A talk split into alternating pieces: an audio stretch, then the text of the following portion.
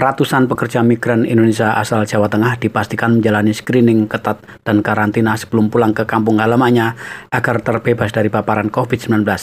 Mereka mulai kampung ke Indonesia mulai 1 Januari hingga 6 Februari 2022, kata Kepala Dinas Tenaga Kerja dan Transmigrasi Jawa Tengah Sakina Roselasari di Semarang, Senin. Mereka berjumlah 606 orang yang pulang dari luar negeri.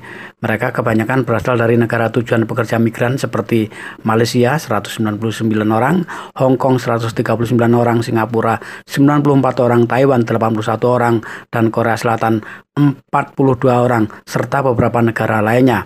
Adapun tujuan kampung mereka adalah di Kabupaten Cilacap, Brebes, Kendal, Kebumen, dan Kabupaten Banyumas. Sakina Roselasari mengatakan sebelum masuk ke Jawa Tengah, ratusan pekerja migran itu telah melalui mekanisme karantina. Karantina dipusatkan di dua tempat, yakni di Wisma Atlet Jakarta dan Wisma Haji Sukolilo, Surabaya. Durasi karantina bervariasi mulai dari 10 hingga 14 hari, tergantung pada asal negara tempat kerja mereka. Contohnya dari Hong Kong dan Afrika yang masa karantinanya mencapai 14 hari, sementara untuk negara lain masa karantina berkisar 10 hari. Hingga kini sudah ada 564 pekerja migran Indonesia yang telah menyelesaikan masa karantinanya dan siap untuk pulang kampung. Untuk pekerja migran itu kan sebetulnya pekerja migran ini uh, masuk di dua uh, embarkasi yaitu di Soekarno Hatta dan di Juanda. Nah di Soekarno Hatta sendiri sudah ada SOP-nya. Jadi uh, dilihat asal negaranya, kemudian berapa hari untuk masa karantina. Di karantina sesuai dengan uh, asal dari negaranya.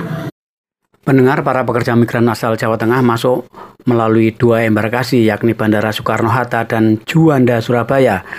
Di Soekarno-Hatta sudah ada SOP-nya. Dengan kondisi ini diharapkan kondisi kesehatan para pekerja migran prima sebelum masuk wilayah Jawa Tengah. Selain itu, prosedur ini dinilai lebih aman dibandingkan proses yang dilakukan pada tahun 2020 lalu. Sakina menyebut kepulangan 606 pekerja migran Indonesia yang habis masa kerjanya dilakukan secara bergelombang mulai 1 Januari hingga 6 Februari 2022. Data tersebut bersumber dari Dirjen Imigrasi melalui Sisko Badan Perlindungan Pekerja Migran Indonesia. Dari Semarang, Jawa Tengah, Joko Hendrianto melaporkan.